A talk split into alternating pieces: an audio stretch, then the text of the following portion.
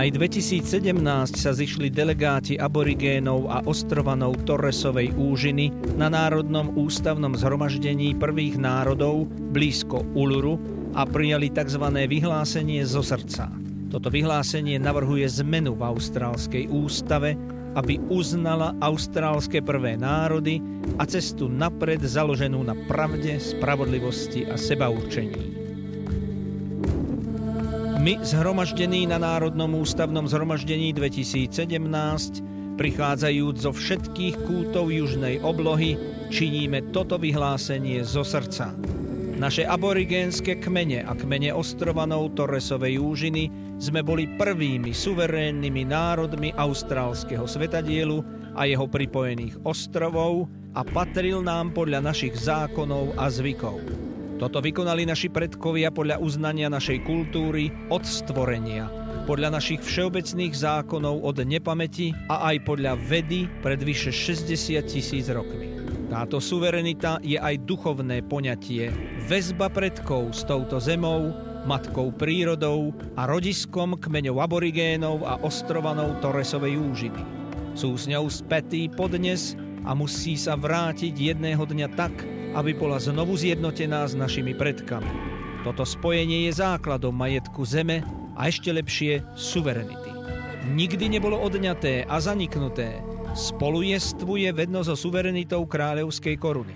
Ako by aj mohlo inak – ako to, že naše národy vlastnili zem 60 tisíc ročí a potom toto sveté spojenie zmizlo zo svetových dejín iba za nejakých posledných 200 rokov? Veríme, že s podstatnou ústavnou zmenou a štruktúrálnou reformou bude táto prastará suverenita žiariť ako plnší prejav austrálskej štátnosti.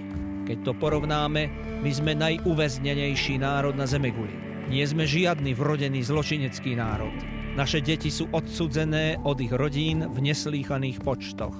To nie preto, že by sme ich nemilovali. A naša mládež trpí vo väzniciach tiež v rôznych číslach. Mala by byť našou nádejou do budúcnosti. Tieto rozmery hovoria naplno o našej kríze a štruktúrálnej povahe nášho problému. Toto je trápenie našou bezmocnosťou. Hľadáme ústavné reformy, aby sme posilnili náš národ a prevzali plnoprávne miesto v našej vlastnej krajine. Keď budeme mať moc nad svojim osudom, naše deti budú prekvitať. Vykročia do dvoch svetov a ich kultúra bude darom pre ich krajinu.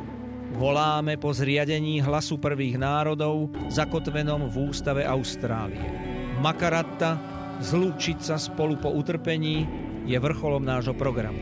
Získa nárok na poctivý a pravdivý vzťah s austrálskym ľudom a lepšiu budúcnosť pre naše deti, založenú na spravodlivosti a sebaurčení.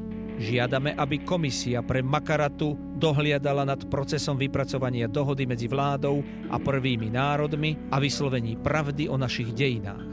Roku 1967 sa už s nami počítalo. Roku 2017 žiadame byť vypočutí.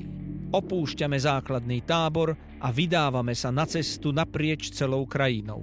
Pozývame vás na prechádzku s nami v hnutí Austrálčanov za lepšiu budúcnosť.